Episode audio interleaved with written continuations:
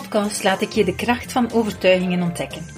Zo zal je geïnspireerd worden om ook jouw weerstanden, angsten en twijfels aan te pakken en om te zetten in actie en daadkracht.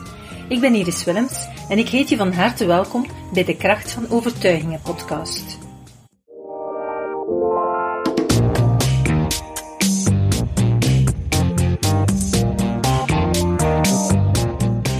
In deze aflevering gaan we het hebben over de gedachte, ik trek het ongeluk aan.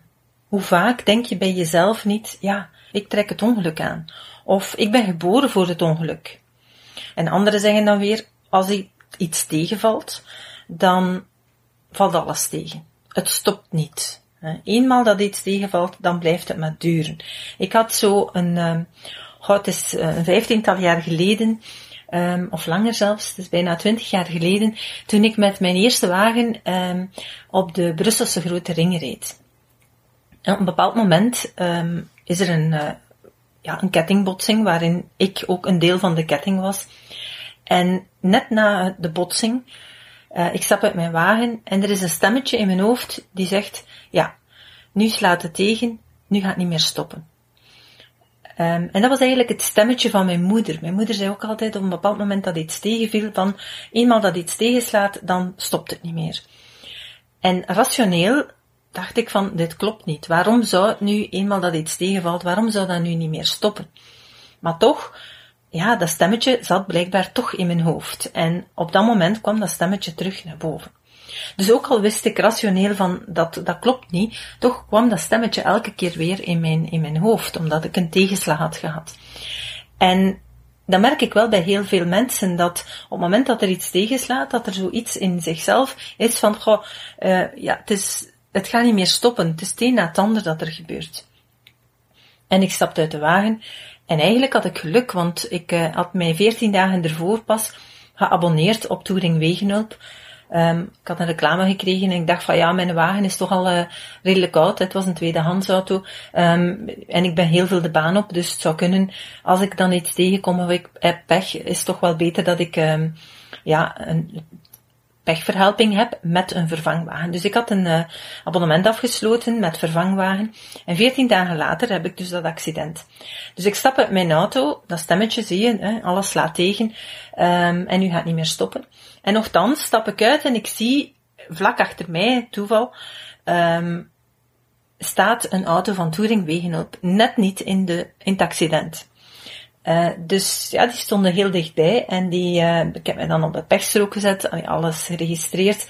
En ik had ook nog het geluk dat ik aan de afslag van een, uh, een depot stond van uh. Dus ik moest de afslag van de autosnelweg nog maar afrijden en daar was al een depot. Dus alles was heel snel geregeld.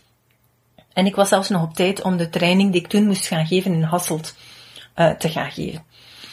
En ehm, dus ondanks het feit dat dat allemaal positieve elementen waren, bovendien, het regende niet. We konden de papieren invullen zonder in de regen te moeten staan.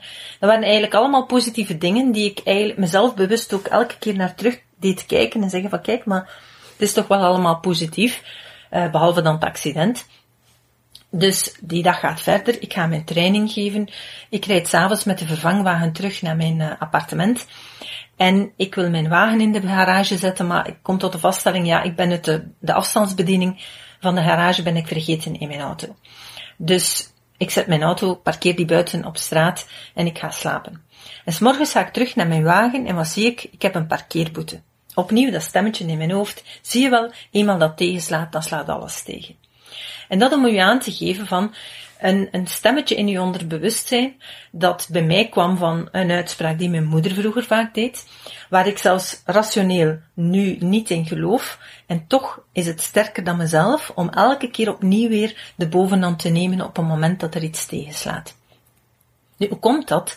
Dat heeft te maken met een stukje stress. Op het moment dat je door omstandigheden een stukje in verhoogde stresssituatie um, komt, dan gaat je brein in je automatische piloot.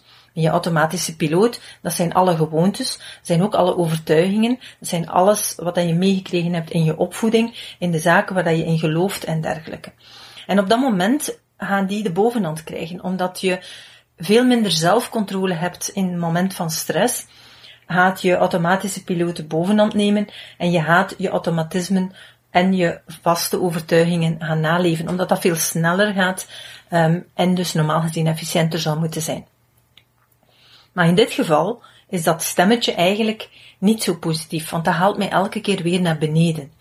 En ook al weet ik nogthans dat dat stemmetje niet goed is en dat dat stemmetje me niet vooruit helpt, toch is dat stemmetje sterker dan mezelf. En dat is eigenlijk de kracht van overtuigingen.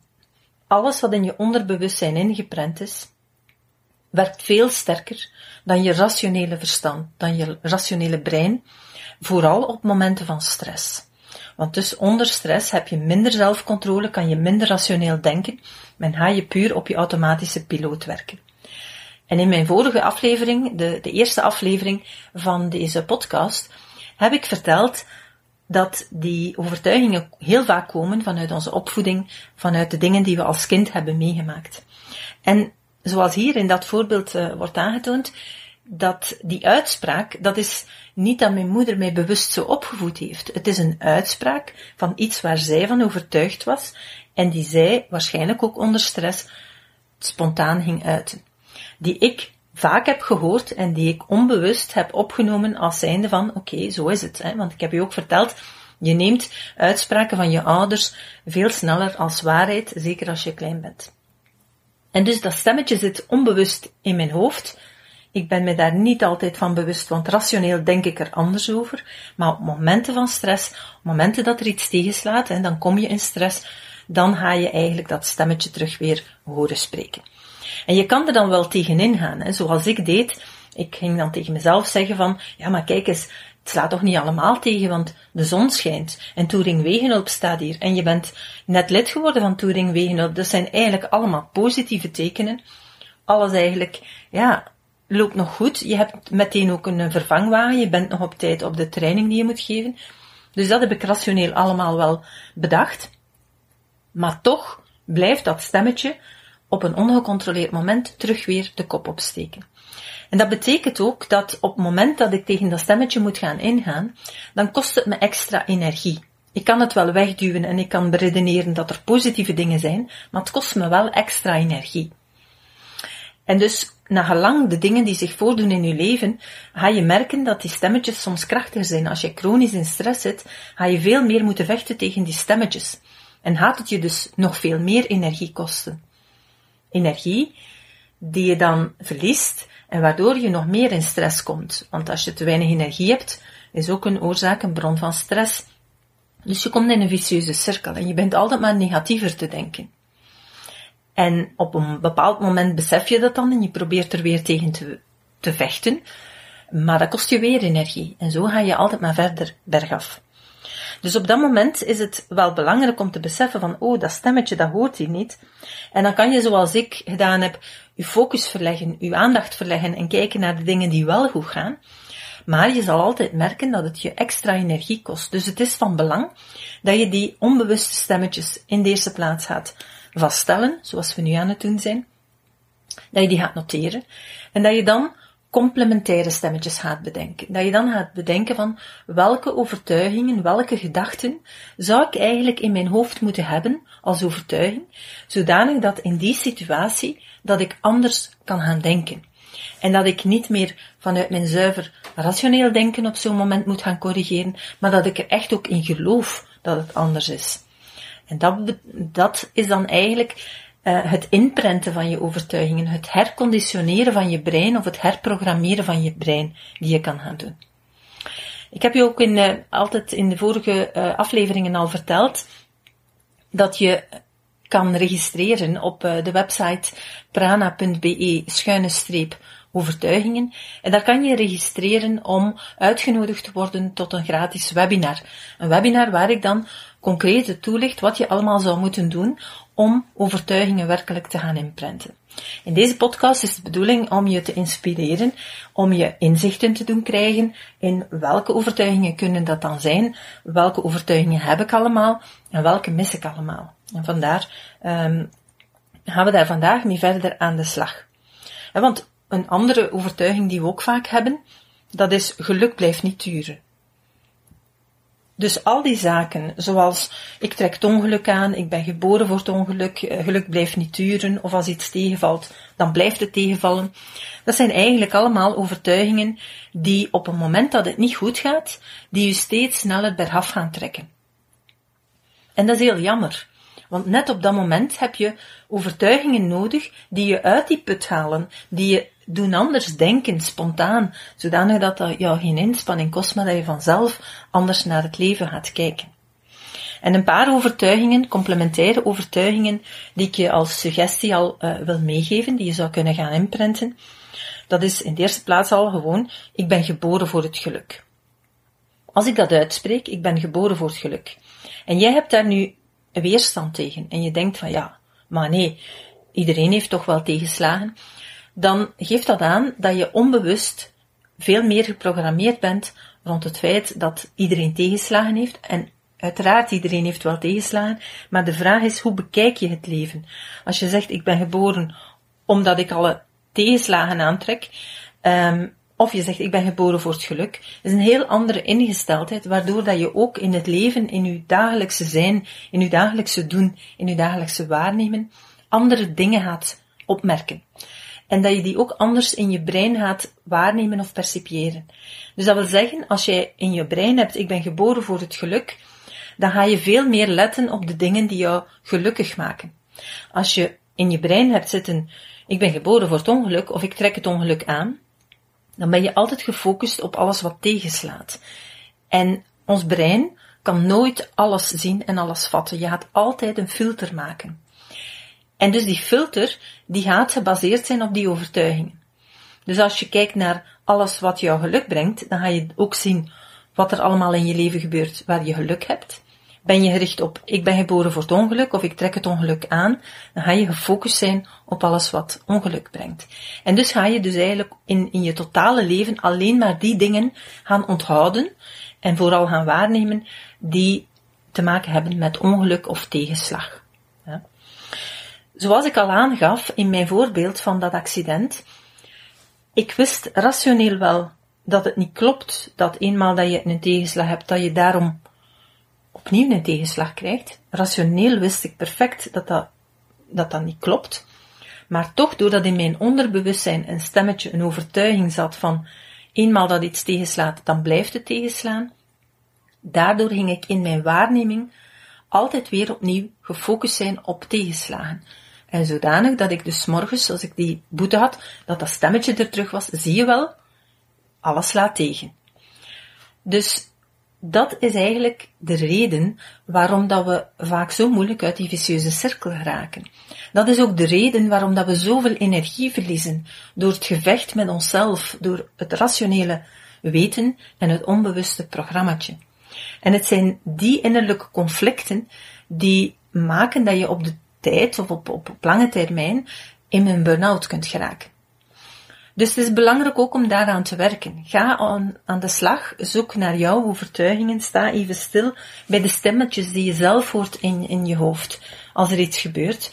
Um, bij de uitspraken die je herinnert van je ouders, van je grootouders, van leerkrachten of van bepaalde goede vrienden of vriendinnen. Want die gaan ook een grote impact op jou hebben en op jouw stemmetjes in je onderbewustzijn. Dus een van de complementaire overtuigingen die je zou kunnen gaan inprenten is: ik ben geboren voor het geluk.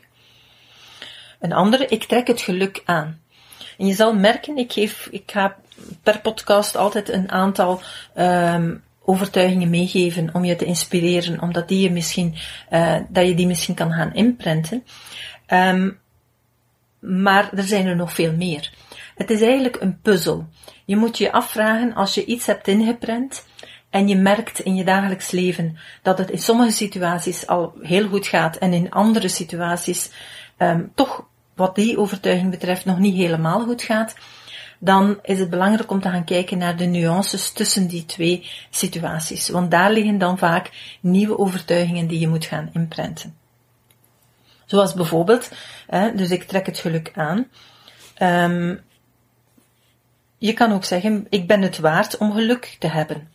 Het waard zijn is nog altijd iets anders dan het spontaan aantrekken. Dus dat zijn nuances, dat zijn andere uh, invalshoeken. Dus ik ben het waard om geluk te hebben. Opnieuw, hier heb je vaak um, het idee van ja, iedereen is het toch waard? Wel, dat is niet waar. Iedereen heeft niet die overtuiging dat hij het waard is om geluk te hebben. Soms heeft dat ook te maken met uitspraken die je vroeger als kind hebt gehoord, waarbij iemand tegen jou heeft gezegd van, jij zult nooit geluk zijn, jij zich geboren voor het ongeluk, jij trekt ongeluk aan. Soms wordt dat ook door omgeving uitgesproken. Op het moment dat iemand kwaad is, of dat, er, dat je iets uitgespookt hebt als kind, wordt dat soms gedaan, uitgesproken, en dan kan dat in jouw onderbewustzijn blijven hangen zijn. Dus ik ben het waard om geluk te hebben. Ik vind voor alles een oplossing. Dat is ene die, die ik wel regelmatig ga herhalen, want dat is zo'n cruciale. Er zelf van overtuigd zijn dat je voor alles een oplossing kan vinden. En alles komt weer goed. Ook een heel belangrijke, als je zelf kan geloven en kan in de overtuiging gaan van dat alles weer goed komt, zelfs na een tegenslag, als dan dat stemmetje bij jou komt van, oké, ik heb een tegenslag, maar alles komt weer goed, dat is een heel ander ervaring, een heel ander energieniveau dat ontstaat dan wanneer je het stemmetje krijgt van, en nu gaat het alleen nog maar slechter gaan. Dus alles komt altijd weer goed. Een heel belangrijk stemmetje dat je kan inprenten. Verder um, zou ik je ook nog aanraden om uh, stemmetjes in te prenten of overtuigingen in te prenten, um, zoals het geluk komt vanzelf naar me toe. Dus dat is een beetje de tegenhanger ook van ik, ik trek het ongeluk aan. Wel, hier ga je inprenten, het geluk komt vanzelf naar me toe. En ik gun het mezelf om gelukkig te zijn. Soms heb je ooit in je leven jezelf het niet meer gegund. En je zegt van, ik heb iets stoms gedaan, ik heb iets slechts gedaan, ik ben het niet waard om gelukkig te zijn. Op het moment dat je in zo'n emotionele toestand dergelijke uitspraken naar jezelf hebt gedaan, dan kan dat blijven hangen zijn in jouw onderbewustzijn. En dan is het belangrijk dat je nieuwe overtuigingen gaat inprenten, zoals ik gun het mezelf om gelukkig te zijn. En zoals ik al zei, ik ben het waard om geluk te hebben of om gelukkig te zijn. Zijn ook eh, belangrijk. En anderen gunnen mij het geluk. Of anderen gunnen het mij om gelukkig te zijn.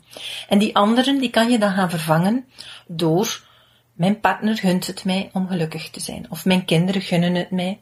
Of mijn moeder gunt het mij. Of mijn vader gunt het mij. Of mijn stiefmoeder of mijn stiefvader. Of mijn grootouders. Of mijn collega of mijn baas. Of om het even wie. Um, en dus het kan zijn dat je die allemaal apart moet gaan imprinten. Als daar meerdere weerstanden op zitten. Als je daar bij meerdere van die overtuigingen voelt van nee, nee, maar die niet.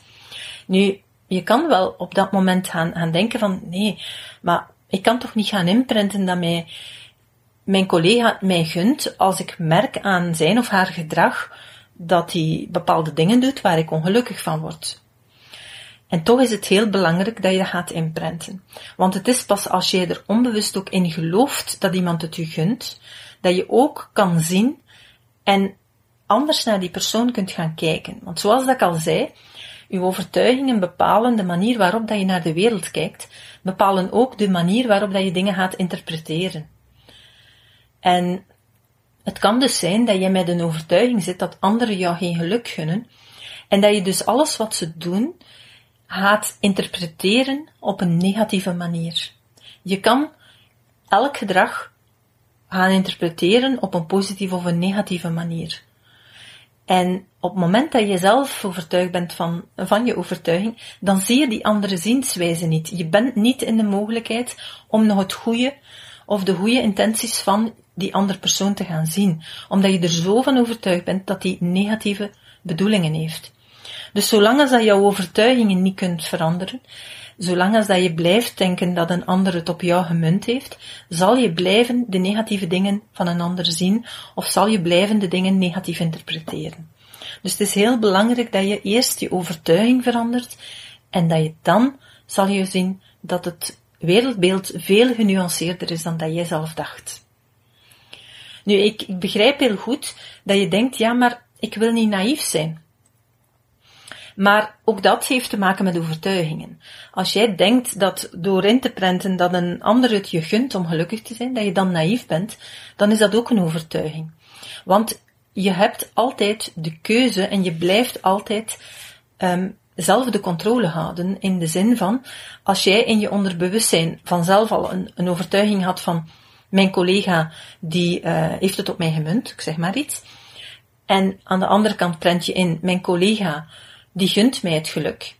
Op het moment dat je dat hebt kunnen inprenten, dan ga je de keuzemogelijkheid hebben in je denken. En dat betekent dat je in de realiteit, op het moment dat er zich iets voordoet, dat je tussen die twee stemmetjes kan kiezen. Want die twee stemmetjes die zijn daar en daar heb je nog altijd de keuze uit. En dus het kan zijn dat de realiteit dan aantoont van, ja maar hier, dit is echt wel negatief bedoeld.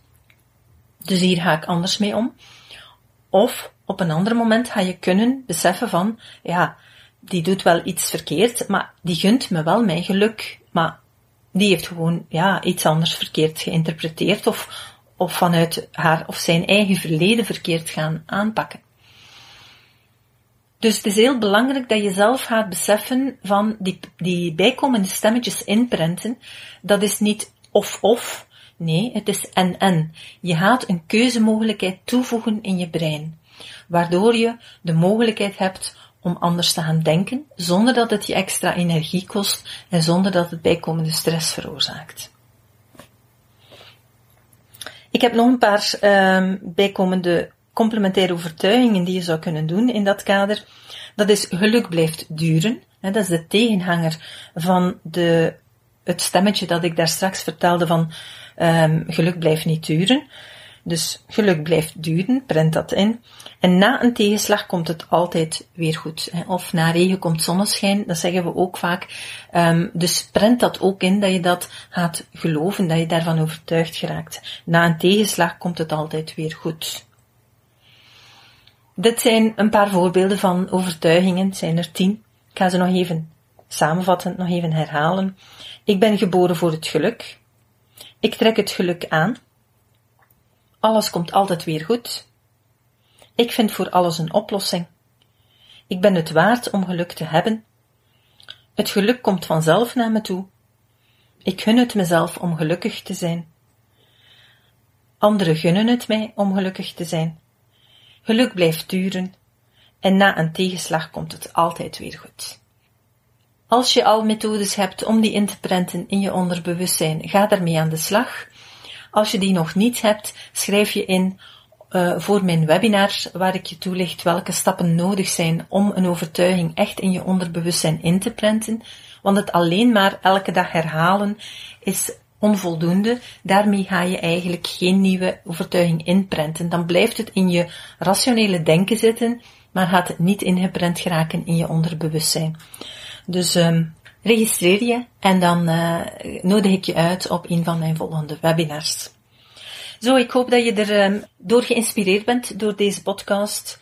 Laat het me weten als je zelf een thema hebt die je besproken wil zien in deze podcast. Stuur het me gerust door. Um, stuur me een mailtje naar iris.prana.be en zet je ervaringen en wat je ermee gedaan hebt eventueel in Instagram of stuur me een mailtje. Tot volgende week. Dag.